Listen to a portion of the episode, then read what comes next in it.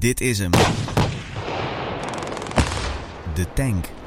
Ja, het is sowieso het moment dat je uiteindelijk af kan drukken en dat daadwerkelijk die klap uit het kanon komt. Dat is naar mijn idee het mooiste wat er, eh, wat er gebeurt op de tank. Leuk dat je luistert en welkom bij de Tank. Mijn naam is Thomas Wemaas en in deze podcastserie van Landmacht FM duiken we in de bijzondere wereld van het krachtigste wapensysteem van de Koninklijke Landmacht, de tank.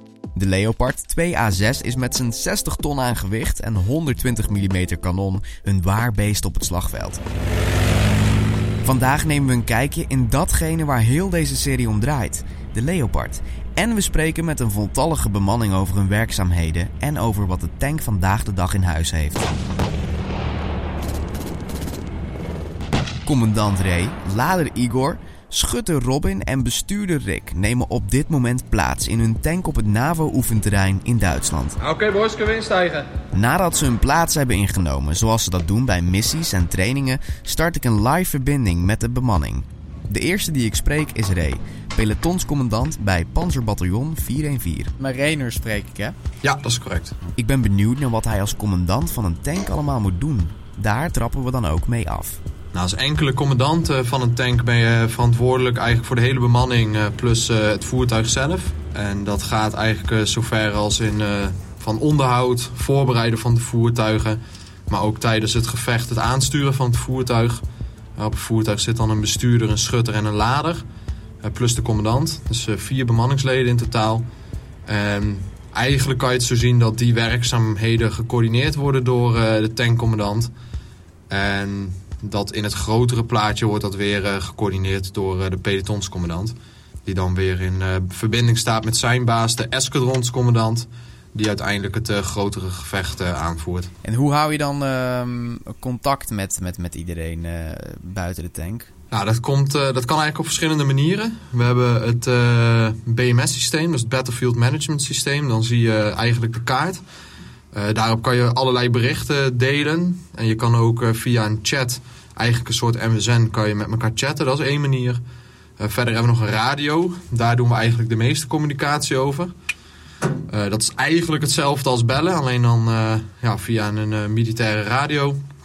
En als het noodzakelijk is, dan kunnen we ook veel doen met handsignalen. Waar let jij op als je je tank aanstuurt? Voornaamste is het voeren van het vuurgevecht. In het geval van vijandcontact. En alles wat daarbij bij komt kijken. De verplaatsingen, de opstellingen die je kiest. De manier van werken binnen de tank. Ook als we bijvoorbeeld in een verzamelgebied zijn. Dus een, eh, eigenlijk een verzamelplek in het bos. Waar alle eenheden samenkomen. Eh, hoe dat allemaal eh, in zijn werk gaat. Dat wordt allemaal door de tankcommandant voor zijn eigen tank geregeld. Hij denkt daarbij aan het camoufleren van de, de sporen die je hebt gereden. Tot aan het eh, gereed maken van eh, de tank voor de volgende actie. En, en beslis jij dan ook als, als, als commandant of er gevuurd moet worden? Ja, in principe meldt de schutter eh, als hij een, een doel ziet of een voertuig wat hij ziet. En als commandant heb je dan de verantwoordelijkheid om na te gaan, nou, past dat in het grotere plaatje? Zouden dat eventueel vriendelijke troepen kunnen zijn? Is dat vijand? Zo ja, wat voor vijand? Want niet op elke vijand eh, wil je ook gelijk schieten. Ligt eh, helemaal aan de situatie en aan de opdracht. En de commandant is dan degene die uiteindelijk beslist, wordt er gevuurd ja of nee. Is het lastig om de verantwoordelijkheid te hebben over de tank en over het optreden? Ja, op sommige momenten is dat zeker eh, lastig. Helemaal omdat je wordt opgeleid in bepaalde situaties. Eigenlijk is elke situatie anders, dus die zijn nooit gelijk. En dat leidt er ook wel toe dat ehm, het werk ook heel leuk wordt. Want je wordt nooit, eigenlijk nooit in een situatie gebracht waarbij je twee keer hetzelfde doet. Ehm, maakt dat het lastig? Ja, dat maakt het lastig. Maar dat is ook hetgeen wat het uitdagend maakt en uiteindelijk ook leuk om te doen. En welke snufjes zitten er nog meer op de Leopard? Ja, we hebben verschillende attributen en systemen erbij gekregen over de jaren. Eh, de belangrijkste zijn eh, in ieder geval bij de commandant het nieuwe warmtebeeld. Nou, verder het eh, Battlefield Management systeem waar ik het net over had. Dus eigenlijk dat je de kaart ziet eh, en dat je eigenlijk ook alle eenheden kan zien die om je heen zijn, de eigen troepen. Dat is ook een nieuw systeem. Voor de schutter op de allernieuwste versie, die hebben wij dan niet, maar dat is dan de 2A7. Die kan ook eh munitiesoorten high explosive verschieten. Die kan die dan instellen met drie verschillende standen. Eén, stand is dat die vlak voor het doel explodeert, de granaat. Die kan je dan bijvoorbeeld tegen infanterie inzetten. Eén uh, stand is dat die explodeert zodra die het doel raakt. En dat wordt dan meestal voor, uh, voor voertuigen gebruikt. En dan is er nog een stand waarbij het patroon, uh, of de patroon in eerste instantie bijvoorbeeld een muur doorboort door zijn snelheid. En dan een paar milliseconden later ontploft, waardoor de ontploffing bijvoorbeeld in een ruimte plaatsvindt. In plaats van tegen de muur aan. Waardoor dan bijvoorbeeld in een gebouw uh, het effect uitgebracht wordt in plaats van alleen op de muur. En voor de bestuurder, die heeft sinds kort een uh, warmtebeeld en helderheidsversterker. Die kan gecombineerd worden. De helderheidsversterker die erin zat, moest in- en uitgebouwd worden. Dat was ten eerste een taak die af en toe wat tijd in beslag kon nemen, aangezien het gewoon een heel erg onhandig ding was. En sinds kort heeft hij daar een computerscherm waarbij hij het uh, nachtzicht en uh, het warmtebeeld kan combineren. Dus die kan hij helemaal afstellen zodat hij het beste zicht heeft terwijl hij aan het rijden is. Zei je nou dat je dusdanig uh, het warmtebeeld kan gebruiken dat je kunt zien wie er staat? Of? Ja, binnen een bepaalde afstand, zo'n ongeveer anderhalf kilometer, dan als bijvoorbeeld de schutter Robin in het bos gaat staan en ik zou weten dat. Uh, of ik zou hem zien met mijn warmtebeeld, dan zou ik alleen al aan ja, de helderheid en de scherpte van het beeld kunnen zien dat dat dan uh, Robin is. En je zou in principe op een afstand ligt ook een beetje aan het weer. Als het mistig is of heel hard regent, dan wordt het zicht wel iets minder. Maar je zou mensen tot een afstand van 3,5 tot 4 kilometer zou je nog kunnen zien staan als jij als commandant voor je kijkt, zie je gewoon schermen eigenlijk. Ja, eigenlijk wel. Ik heb dan van links naar rechts eigenlijk mijn beeldscherm met een aantal knoppen eromheen om mijn warmtebeeld uh, te bedienen. Dan naar rechts eenmaal een computerscherm waarop die interactieve kaart te zien is. Dan rechts het commandantenpaneel waarop ik allerlei informatie kan zien en mijn eigen waarnemingsmiddelen kan instellen. En als we dan nog verder naar rechts gaan, daar zit een nieuw radiokastje waarbij ik om kan schakelen tussen de verschillende radio's en de intercom. Naast de, het 120 mm kanon hebben jullie ook nog andere wapens aan boord. Welke wapens zijn dat? Ja, we hebben één keer een uh, machinegeweer coax, heet die, coaxiaal. Dat betekent dat hij vastzit aan, eigenlijk aan het kanon. Dus waar het kanon heen wijst, daar wijst het machinegeweer ook heen. Die kan de schutter bedienen. Die is ook bedoeld voor infanteriedoelen en zachte voertuigen noemen we dat. Dus dat zijn bijvoorbeeld kleine jeepjes of vrachtwagens. Verder hebben we nog een torendakmitrailleur. Die is eigenlijk bedoeld voor luchtdoel, dus voor, voor de luchtnabijbeveiliging. Die bedient dan de lader, die zit dan boven op zijn luik. Die kan ook ingezet worden tegen gronddoelen. Dus als we bijvoorbeeld door heel erg dicht bebost gebied rijden... zou het mogelijk kunnen zijn dat de lader daarmee de nabijbeveiliging doet... Uh, verder hebben we ook nog de laser. Dat is, uh, die wordt gebruikt om uh, afstand te meten. Dus dat is niet iets uit een science fiction film. Maar dat is en alleen een afstandsmeter. Dat is officieel ook een laser. En wordt ook, of, is ook officieel een wapen. Die wordt dan ook zo geclassificeerd. En verder wordt vaak vergeten hebben we ook nog de rookbus lanceerinrichting. Dat zijn aan de linker en aan de rechterzijde aan beide kanten acht rookpotten. Die verschoten kunnen worden in verschillende standen. Waardoor je voor jezelf een rookscherm kan creëren als je bijvoorbeeld achterwaarts gaat en je niet wil dat de vijand je ziet. Ik heb ook gezien dat je ook het kanon kan bedienen als je wil. In welke situatie komt dat voor? Ja, dat klopt. Ik kan ook uh, met mijn uh, commandant richtgreep, die gebruik ik in principe om mijn eigen waarnemingsmiddel te besturen. Maar daarmee kan ik ook het kanon overnemen. Ehm, dat wordt eigenlijk voornamelijk gebruikt wanneer ik een doel zie en de schutter zit ergens anders te kijken met zijn waarnemingsmiddel. Dat ik kan zeggen, hier staat een tank, dan druk ik een knopje in. En dan gaat het kanon uh, daarop richten waarop ik op dat moment gericht ben. Dat ziet de schutter dan ook gelijk. En dan op dat moment kan de schutter uh, gelijk reageren. En dat is vaak sneller dan wanneer ik zeg draai rechts. Zie je daar die boom, draai nog iets verder rechts. Nou, daar ergens staat hij. Maar met, met dit systeem kan ik hem er eigenlijk gelijk opzetten. En dan weet hij gelijk wat ik bedoel. En dan zou hij ook gelijk uh, kunnen vuren.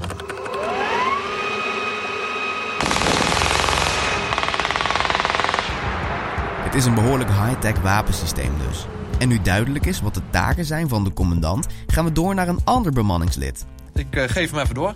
Ray geeft de opnameapparatuur waarmee ik verbinding heb met Duitsland door naar zijn collega Rick. Top, dan spreek je nu met uh, Rick, de bestuurder. Hij heeft de geweldige taak om de tank te mogen besturen. De bestuurdersplaats zit helemaal van voor, lager gelegen dan de rest van de tankers. Ik zit uh, in principe, uh, nou ja, zo in mijn eigen beeld redelijk veilig. Ik heb natuurlijk de zwaarste panzerplaten voorop zitten bij mij. En de toren voorop ook. En ik heb wel mijn eigen hok hier beneden, ja. Dus ik ben het meest afgezonderd van, van de andere drie bemanningsleden in de toren. Kan je mij vertellen, Rick, wat je doet als bestuurder op een Leopard tank? Uh, nou ja, zoals de commandant al een beetje aanhaalde. Dat als hij bezig is met zijn trein en kaart en alles, word ik richting, een, richting gestuurd, om zo maar te zeggen. En zoek ik als bestuurder de makkelijkste weg, maar ook de veiligste weg richting dat punt. om eigenlijk zo heel mogelijk met de bemanning en de tank zelf op dat punt aan te komen. Ik probeer natuurlijk ook het onderhoud te onderhouden van het onderstel. Dat is mijn pakje aan als bestuurder zijnde. Daarbij krijg ik ook hulp van Lui van de Toren. Ja, dus als er iets mis is met de rupsbanden, dan moet jij ook weten wat daar aan te doen. Ja, precies. Ik ben daar specialist op, om zo maar te zeggen, zoals ik commandant aanhaalde. Wat voor keuzes maak je als bestuurder van een tank? Nou, je moet zo voor je zien. Bijvoorbeeld, je rijdt door een trein heen. Dan heb je heuvels in zitten en kuilen. Als je richting een punt rijdt, dan wil je natuurlijk zo min mogelijk in zicht rijden. Dus dan pak je de, de kuilen en niet de heuvels waar je over in gaat. Zeg maar, een tank rijdt altijd waar het water ook vloeit. Ik kan me ook voorstellen dat het juist handiger is om wat hoger te rijden, zodat je meer zicht hebt. Of werkt dat niet zo met een tank?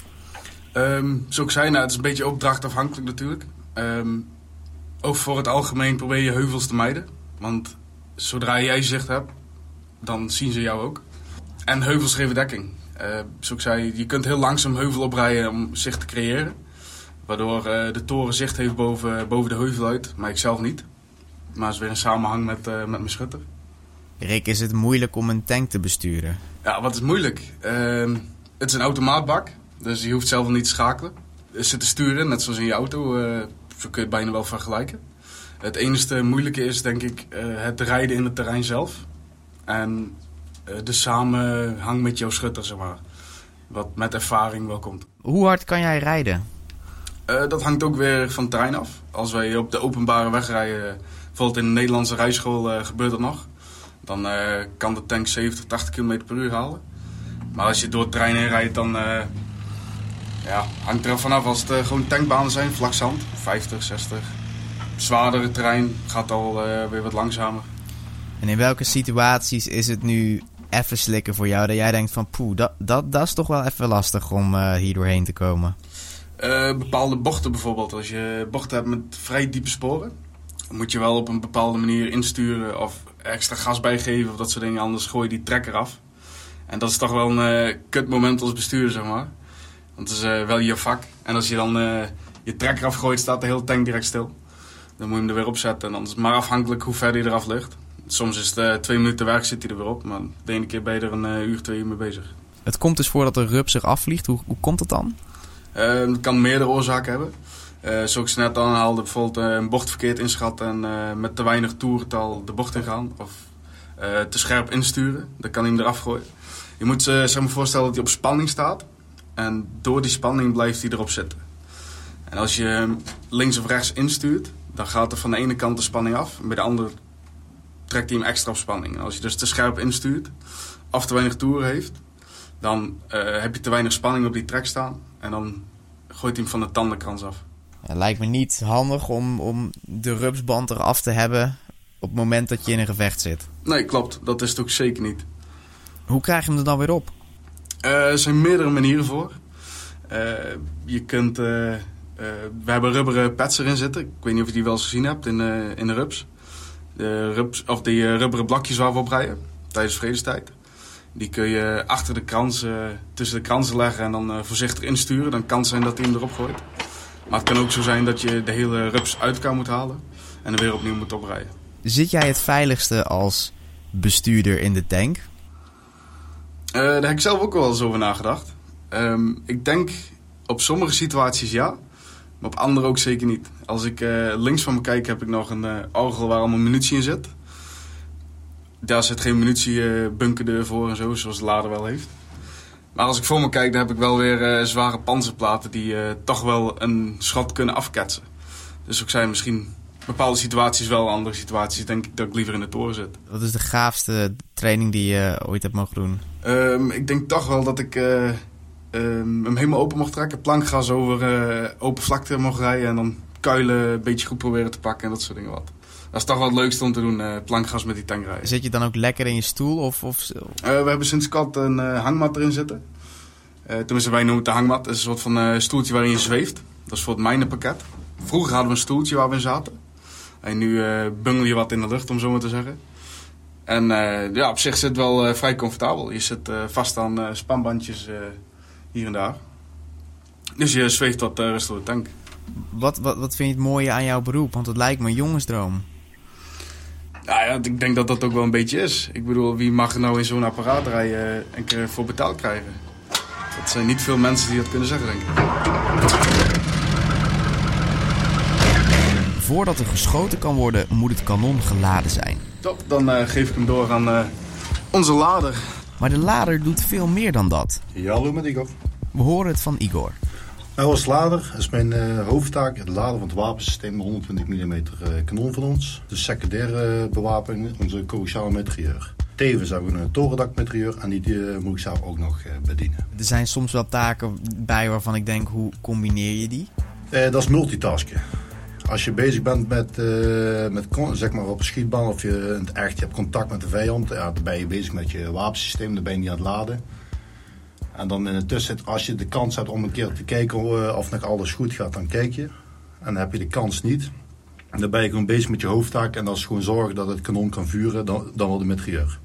Wanneer kies je er dan voor om met een mitrailleur te schieten en wanneer om om een kanon te laden? Want soms kan het misschien voorkomen dat beide moet gebeuren. Nou, we gaan kijken wat eh, onze prioriteit is. Zit er eh vijandelijke tanks in het voorterrein, dan eh, is dat de prioriteit. Die schakelen we als eerst uit. En mocht er niks in het voorterrein zijn, alleen een helikopter in de lucht, infanterie dichtbij die kan uitschakelen met mijn torendakmetrieur, dan kies ik daarvoor. Nu klinkt het misschien een beetje stom, maar als, maar als ik denk de lader, dat klinkt als functie het minst interessant. Maar ik denk dat jij dat, dat helemaal anders ziet. Nou, de functielader, dat ja, klinkt eigenlijk eh, heel simpel, maar je bent eigenlijk best wel druk bezig. Vooral tijdens schietseries, ja, je bent het laden zoals ik juist zei. Je bent eh, mee aan het kijken rond de tank als er tijd voor is. Eh, is de commandant bezig met de schutter, ben ik met de bestuurder bezig. Vice versa andersom. Radio's die ook eh, de komst afvangen. Dat wil zeggen van is de commandant bezig op compiesnet. Dan neem ik het pelotonsnet over. Ik schrijf berichten mee. En ik zorg eigenlijk dat de commandant een deel werk eh, uit handen geeft aan mij. Dat ik dat gewoon zelfstandig op kan nemen. En dan eh, vervolgens later aan door kan boeren als het wat rustiger is op, op het net. Dan wel intern over de komst. Even over de soort eh, munitie. Waarmee kunnen jullie allemaal schieten? Nou, op deze uitvoering van Leopard hebben we twee soorten granaten. We hebben de KE-granaat, dat staat voor kinetische energie. Dat wil zeggen, dat gaat over een, dat is een. En die heeft een eh, betere doorboring dan onze MZ-munitie. Onze MZ-munitie, dat is, daar moet je vergelijken, of ja, dat is een eh, holle lading. Als die op de panzer klapt, dan doorboort die. En dan zit er een spiegel in en die klapt dan naar binnen, waardoor die zijn eh, druk naar binnen schiet in de tank. Is dat, is dat zwaar werken als je dan continu aan het laden bent met granaten van, van ruim 25 kilo? Nou, dat is eigenlijk eh, situatieafhankelijk. Als je nou in de simulator bezig bent met, eh, met oefengewichten, is het anders dan met een eh, live fire. Dan zit je vol adrenaline en dan ga je er gewoon voor en dan sta je er eigenlijk niet bij stil van hoe zwaar een granaat is. Wat je eenmaal aan het doen bent, je gooit gewoon die granaten in, in de schietbuis. En je bent gewoon zo onder druk bezig dat je gewoon aan het presteren bent dat je er niet bij stilstaat. Kun je even uitleggen hoe het proces van het hele laden werkt voor jou? Nou, kijk eh, richting het kanon. Ik open het eh, sluitstuk zodat de munitie erin kan. Dan draai ik mijn eigen om. Heb ik aan de zijkant een knop zitten van een munitiebunkerdeur. Die, eh, daar kan ik op duwen. Gaat de munitiebunkerdeur open. En daar heb ik eh, een vijftiental granaten in zitten. Daar haal ik één granaat uit. Tevens bij mijn draai vanuit de bunker naar het kanon druk ik de knop aan de zijkant weer aan dat de munitiebunker weer dicht gaat voor de veiligheid. Dan stop ik de granaat het kanon. Tevens eh de juiste munitiekeuze en druk op eh, vuur. Zodat de schutter weer tevens het eh, schot uit kan brengen. Dat het gewoon het hele wapensysteem eh, gereden is voor de schutter. Het lijkt me wel dat je snel moet zijn en goed kunnen anticiperen op beweegbare situaties. Ja, dat klopt. Je moet eigenlijk heel snel zijn. Je moet van tevoren, als je een granaat pakt en eh, je doet het met een kanon, zorg dat de rest in de bunker ook in orde is. Als ze terug zijn geklapt, dat ze allemaal naar voren komen. Niet dat je later uh, onder andere stressvolle situatie, dat je nog uh, moet gaan zoeken waar je granaten zijn gebleven. Ik denk van, van alle bemanningen dat, dat als jij een foutje maakt, dat het wel de meest schadelijke fout zou kunnen zijn. Als ik een fout maak, dan uh, kan dat wel cruciaal zijn. Hou ik de verkeerde munitiekeuze op mijn laatst bedienpaneel uh, geselecteerd. En dan uh, bijvoorbeeld, ik heb MZ aangeklikt en er zit een KE in. Ja, dan schiet hij met een grote boog over de vijand heen. Dus er zijn fouten, als je die maakt, die kun je niet permitteren als tankbemanning. Want dat, die zijn gewoon cruciaal. Dat zijn de secondes die je nodig hebt. Ja, dat is echt een kwestie tussen leven en dood. Dat zeker. Ik denk als je een van de mooiste stoelen op een tank kan draaien, is het toch wel laden. Je krijgt van alles mee, in en rondom de tank. En je kunt gewoon uh, ja, het wapensysteem bedienen. Van ja, dan ben je wel lader, maar het, ziet, het is gewoon machtig mooi als je die granaten erin kan prakken. Je kunt de mitrailleur laden. En je kijkt er af en toe bovenluiks mee hoe zo'n schot eruit gaat. Of hoe de lichtspoormunitie van de mitrailleur die kant uitgaat. Dat is wel genieten. En als het doel in zicht is, de tank in de juiste positie staat en het kanon is geladen, dan kan er gevuurd worden. Je mag hem doorgeven aan de, aan de schutter. Ja, ik zal doen. En dat is Robin. Yes, goeiedag. Hij gaat haar fijn uitleggen hoe het is om met een tank te vuren. Yes, als schutter zijnde uh, bedien ik eigenlijk uh, ja, de toren en het kanon. Uh, de toren die beweegt verticaal en tenminste de toren beweegt horizontaal en het kanon beweegt verticaal.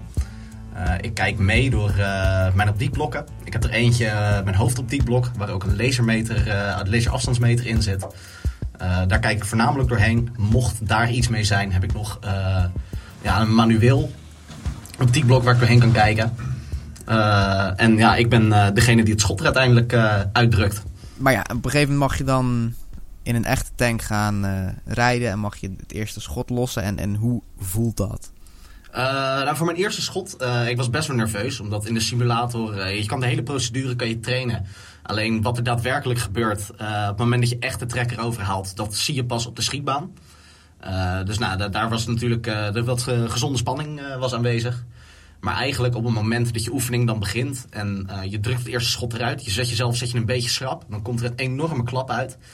Uh, en eigenlijk de rest van de, van de oefening is eigenlijk een beetje op de automatische piloot gegaan. Uh, je blijft natuurlijk continu blijf je bezig met je werk. Uh, je moet continu moet je er nieuwe doelen bij aan het zoeken. Dus je blijft wel bezig. het is eigenlijk het eerste schot, dat, dat krijg je vooral mee. En alles wat daarna gebeurt, dat gaat eigenlijk gewoon in zo'n rap tempo door. Wat de later net al aangaf, je zit vol adrenaline, je bent bezig. Dus, Was dat eerste schot een treffer? ja, ja, ja, dat was zeker een treffer als schutter kan ik me voorstellen dat je je erg machtig voelt. Omdat jij degene bent die uh, de trekker zeg maar overhaalt. Voelt mm -hmm. dat ook zo? Uh, ja, het is sowieso het moment dat je uiteindelijk af kan drukken. En dat daadwerkelijk die klap uit het kanon komt. Dat is naar mijn idee het mooiste wat er, uh, wat er gebeurt op de tank. Het geeft inderdaad wel, zeker wat, wat ik me nog bij is gebleven van het eerste schot. Dat het inderdaad wel nou, een flinke klap meegeeft. En ja, het gevoel wat er dan bij komt kijken, dat is, dat is machtig mooi. Jullie kunnen tot 4 kilometer schieten. Het ligt rond de 4 kilometer. Dat uh, is ook wel afhankelijk van, uh, van de granaatsoorten. Uh, de KE-munitie, de kinetische energie, die, die vliegt redelijk in een, in een rechte baan. Er zit ook flink wat kracht achter, dus die vliegt zo, zoveel mogelijk in een rechte lijn. dat zal je tot de 4 kilometer ongeveer wel halen. met de MZ-munitie is dat wat lastiger. Omdat deze patronen wat zwaarder zijn, hebben die een soort een beetje een kromme baan die ze meekrijgen. Dus het wordt dan op dat soort afstanden al veel lastiger om een doel daadwerkelijk te treffen. Omdat je er niet met een rechte lijn op zit, maar echt met een boogje. Dus het, uh, ja, de, vluchtbaan van het patroon is de, is de kans is veel kleiner dat je het doel daadwerkelijk treft. Uh, met, de, uh, met de nieuwe munitie die we eruit bij krijgen, de HE-munitie, uh, zal het ook ongeveer rond de, rond de 4 kilometer uh, zal het bereik zal liggen. Heb je het dan bijvoorbeeld over die nieuwe granaten? Kan dat ook in de 2A6 of is dat iets voor de 2A7? Uh, dat wordt iets voor de, voor de 2A7. dat krijgt een bepaalde de, de, de afvuurpin-eenheid die wordt vervangen. er zit een tweede naald zit erbij die het patroon dus als het ware een soort data mee kan geven. Dat het patroon weet van oké, okay, ik moet nu in de lucht springen. Ik moet nu op het doel klappen of in het doel moet ik pas ontploffen. En met de, de huidige afvuurpin-eenheid die we erin hebben zitten, gaat dat niet. Kun je me eens meenemen het hele proces van jij spot een, een vijand en je wil vuren? Ja, nou, ik ben, dus, eh, ik ben dus aan het waarnemen. Op dat moment uh, onderkel ik een, uh, een mogelijk doel. op dat moment meld ik direct contact. Zodat mijn tankcommandant ook weet wat er aan de hand is. En die dit op het, op het net aan de andere tanks kan melden. Dat wij wat gezien hebben. Dan zal ik als eerste zal ik een. Ik, ik, geef ook door wat voor doel ik zie. Dus of het een tank is, of het een, een vrachtwagen is, of wat dan ook. op het moment dat dat gedaan is, druk ik een laserschot eruit. Om te kijken op wat voor afstand het doel staat. Op het moment dat ik die, dat laserschot eruit gedaan heb, zette die kanon automatisch in de goede hoek. En dan hoef ik daar eigenlijk niet meer over na te denken. Nou, zodra ik daar dan een vaste waarde voor krijg, dus dat ik zeker weet dat het doel op die afstand staat. Dan krijg ik van mijn commandant krijg ik, wel of niet vurenvrij. Ja, je kan. dan is het nog afhankelijk of dat het doel stilstaat of beweegt.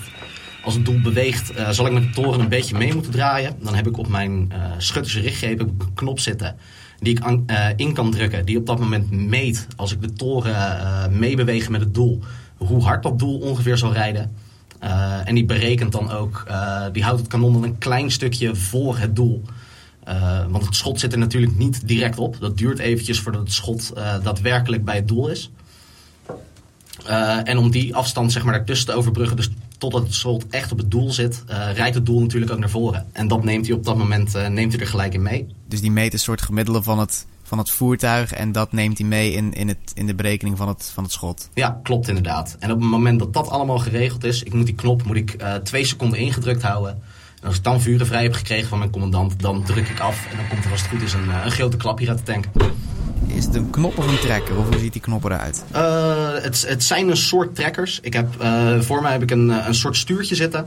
Met uh, twee opstaande randen erop. En zowel de linkerkant als de rechterkant is precies hetzelfde. Dus ik zou met alleen mijn linkerhand de hele procedure uit kunnen voeren. En alleen met mijn rechterhand ook hetzelfde kunnen doen. En aan de achterkant daarvan zitten twee ja, soort, ja, het zijn knoppen. Ze voelen een beetje aan als trekkers. Uh, en die twee knoppen, als ik één van die twee indruk of allebei, dan uh, zou het schot zo afgaan. Zit je vinger er altijd op die knop? Uh, nee, tijdens het rijden hou ik mijn, mijn wijsvingers, die ik normaal gesproken gebruik om af te vuren, hou ik gestrekt. Dat mochten we bijvoorbeeld in een kuil klappen of wat dan ook, dat ik niet per ongeluk een schot eruit druk. ja. Is dat er nog nooit voorgekomen dat je per ongeluk een schot lost? Gelukkig niet. En dat proberen we ook zo te houden. Oké. Op het moment dat er een granaat afgevuurd wordt. Hoe werkt die ontsteking? Wij hebben uh, geen slagpin, wij hebben een, uh, een afvuurpin. Uh, bij ons klapt dus niet de slagpin naar voren die het slaggoedje indrukt. Maar bij ons gaat het via een elektronisch signaal. Onderin de munitie zit ook een, ja, een ander soort slaggoedje, wat dus deze, dit, dit elektronisch signaal omzet naar daadwerkelijk warmte. En op die manier de explosie nou creëert in de granaat. Um, ja, dus dat gaat eigenlijk bij ons gaat het, gaat het meer elektrisch. Ik heb bijvoorbeeld ook niet alleen op mijn schuttersrichtgreep heb ik een afvuurknop zitten. Maar links van mij heb ik nog een soort nood, noodgenerator. Mocht er ergens bijvoorbeeld een elektronische storing in het systeem zijn, dat ik daarin, dan kan ik het kanon kan ik omzetten op die noodgenerator. En dat werkt een beetje hetzelfde als een knijpkat. Dus ik werkte, wek daarmee mijn eigen stroom op op het moment dat ik die indruk. En zo kan ik toch de patroon afvuren, ook al heeft bijvoorbeeld de toren zelf geen stroom meer. Wat gebeurt er als jullie tank uitvalt op het gebied van technologie? Kun je hem dan nog verder? Uh, ja, we hebben meerdere bedrijfsniveaus in de tanks. Uh, waarvan de hoogste is eigenlijk dat alles werkt. Dan is het kanon is gestabiliseerd. Uh, dan kan je de toren kan je snel draaien. En mochten er meerdere systemen uitvallen, dan hebben wij uh, procedures daarop waar je op terug kan vallen. Dat mocht mijn, mijn hoofdoptiekblok, wat elektronisch aangestuurd is, uitvallen. Dan kan ik terugvallen op mijn noodrichtmiddel, wat mechanisch is op dat moment, dus eigenlijk geen stroom nodig heeft. En zo heeft eigenlijk alles heeft wel een soort backup systeem waar ik op terug kan vallen, mocht er een bepaald systeem uitvallen weersomstandigheden kan ik me ook nog voorstellen dat dat een rol speelt bij het afvuren van een granaat. Ja, klopt. Wij kunnen bijvoorbeeld uh, de buitentemperatuur uh, kunnen we hier indraaien, wat invloed heeft op de vluchtbaan van de munitie. Uh, de temperatuur van de munitie zelf, hier in de tank, dat is ook belangrijk. Dat heeft dan weer een ander, doet iets met de ontbranding en wat dan ook. Zijwind neemt hij ook mee. Dat heeft natuurlijk ook invloed op het patroon. Dus we zijn, uh, ja, er zitten hier van allemaal soorten systemen om die eigenlijk elk klein dingetje wat invloed kan hebben op de vluchtbaan van je munitie, uh, kunnen wij hierop instellen. Wat is het moeilijkste om te beschieten? Dat vind ik een lastige vraag. De, de meeste doelen. Uh, kijken, ik denk dat dat toch is met, uh, met het machinegeweer op uh, rijdende zachte doelen. Omdat normaal gesproken met het hoofdwapen met de 120 mm, die voorhoud waar ik het net over had, neemt het systeem dan voor mij mee. Alleen op het moment dat ik met de coaxiale machinegeweer schiet, doet hij dat niet. Dus dan zal ik dat zelf moeten doen. Dus dat is net iets meer, iets meer werk voor mij als je dan een treffer maakt, krijg je dan van binnen een soort van gevoel van yes? Of is het gewoon heel normaal? Ik, ik heb er geen idee hoe, dat, hoe dat daar binnenin aan toe gaat. ja, ik vind het zelf op het moment dat je een treffer maakt, dat, dat, dat is het mooiste. Dat is eigenlijk het eindproduct van de hele samenwerking uh, op de tank. Ik bedoel, de bestuurder die rijdt je, rijdt je ergens heen naar een, uh, dan wel in de voorwaartse beweging, dan wel dat hij je in een stelling zet. Uh, je hebt communicatie met de lader, voor de, het soort granaat wat erin gaat, wanneer het geladen is. de commandant die geeft die vuren vrij en op dat moment ben jij als schutter eigenlijk degene die nou, het, het, het, ja, het laatste, de laatste handeling eraan doet. En op het moment dat hij dan op het doel zit, dan is het eigenlijk het teken van dat de hele samenwerking in de tank goed gegaan is. Dus dat is altijd wel een, een mooi moment. Als je kijkt op alle trainingen, wat was voor jou de gaafste en, en waarom? Uh, even kijken, dat is uh, begin dit jaar geweest. Toen waren wij richting de Poolse grens waren wij aan het oefenen.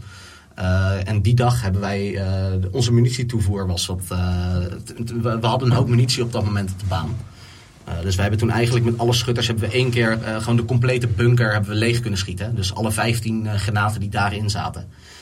toen bleven er dus maar doelen opkomen. En zo blijf je eigenlijk in die procedure hangen. En eigenlijk in die hele adrenaline kick van het, uh, van het schieten zelf. En als je dan 15, uh, 15 granaten eruit mag schieten, ja, dat is, dat is machtig mooi. Waar ben je nu echt bang voor als je op het slagveld moet staan en je, je rijdt in je Leopard en je hebt uh, een 120 mm kanon bij? Wat is dan toch datgene op het slagveld waar, waarbij je denkt, oei, ja, daar, daar ga ik wel even van slikken? Ik denk dat dat, uh, dat helikopters zullen zijn. Omdat die, uh, die zijn natuurlijk een stuk sneller, een heel stuk wendbaarder. en die zijn voor ons gewoon heel, heel lastig om te bestrijken.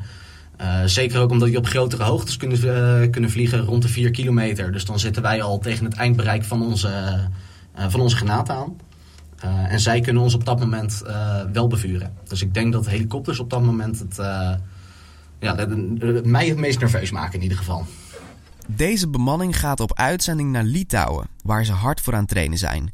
In de vorige aflevering hoorde je wat die missie precies inhoudt. De kans dat ze daar moeten gaan schieten is klein, maar hoe zouden ze het vinden om oog in oog te staan met een vijandige tank? Eigenlijk zou je het niet willen, maar qua nieuwsgierigheid zou je het wel willen weten wat de uitwerking is van, uh, van je munitie, wat je zelf verschiet. Ja, dat is een beetje een moeilijke vraag om te beantwoorden. Want je bent wel aan het trainen voor dat soort dingen. En je traint er wel naartoe. Of niet naartoe, maar je, je traint ervoor.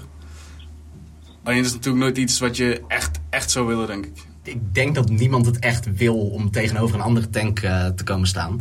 Maar ik, uh, zoals, uh, zoals Igor net verwoordde, op, de, op het moment dat je in die situatie terechtkomt, dan is het ja, of, of jij of hij. En ik denk dat iedereen op dat moment eigenlijk wel de keuze maakt van nou, dan, dan liever hij.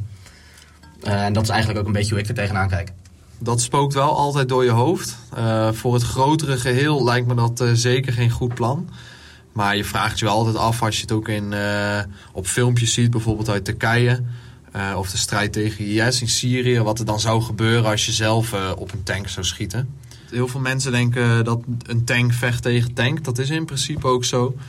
Alleen tegenwoordig heb je zoveel andere wapensystemen waar je uh, druk om moet maken. Bijvoorbeeld onbemande drones die vanuit de lucht zouden kunnen schieten.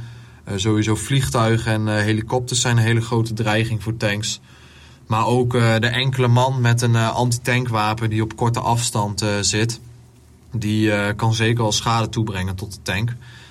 En aangezien je eigenlijk helemaal ingeblikt zit in het voertuig uh, als je echt druk bezig bent met een kaart en iemand is aan het laden en aan het schieten, dan heb je ook niet heel veel uh, zicht om wat er direct om je heen zit. Dus als je dan inderdaad, nou, bijvoorbeeld een infanterie-eenheid, dus mensen te voet om je heen hebt zitten en die, ja, die willen kwaad. Dat is ook een hele grote dreiging. Die, die zie je niet aankomen. Dat kan op hele korte afstand. En dat is ook eh, gevaarlijk. Dus wat dat betreft, de tank heeft wel veel, eh, wel, wel veel vijanden. Nu we alles weten van de tank, de bemanning en hun functies, is het tijd om te zien hoe er getraind wordt. Daarvoor ga ik in de volgende aflevering naar de Tactical Indoor Simulations in Amersfoort, waar ik plaats zal nemen in een Leopard simulator. Ook blik ik met de instructeurs terug op een eerdere oefening en hoor je opnames van virtuele missies.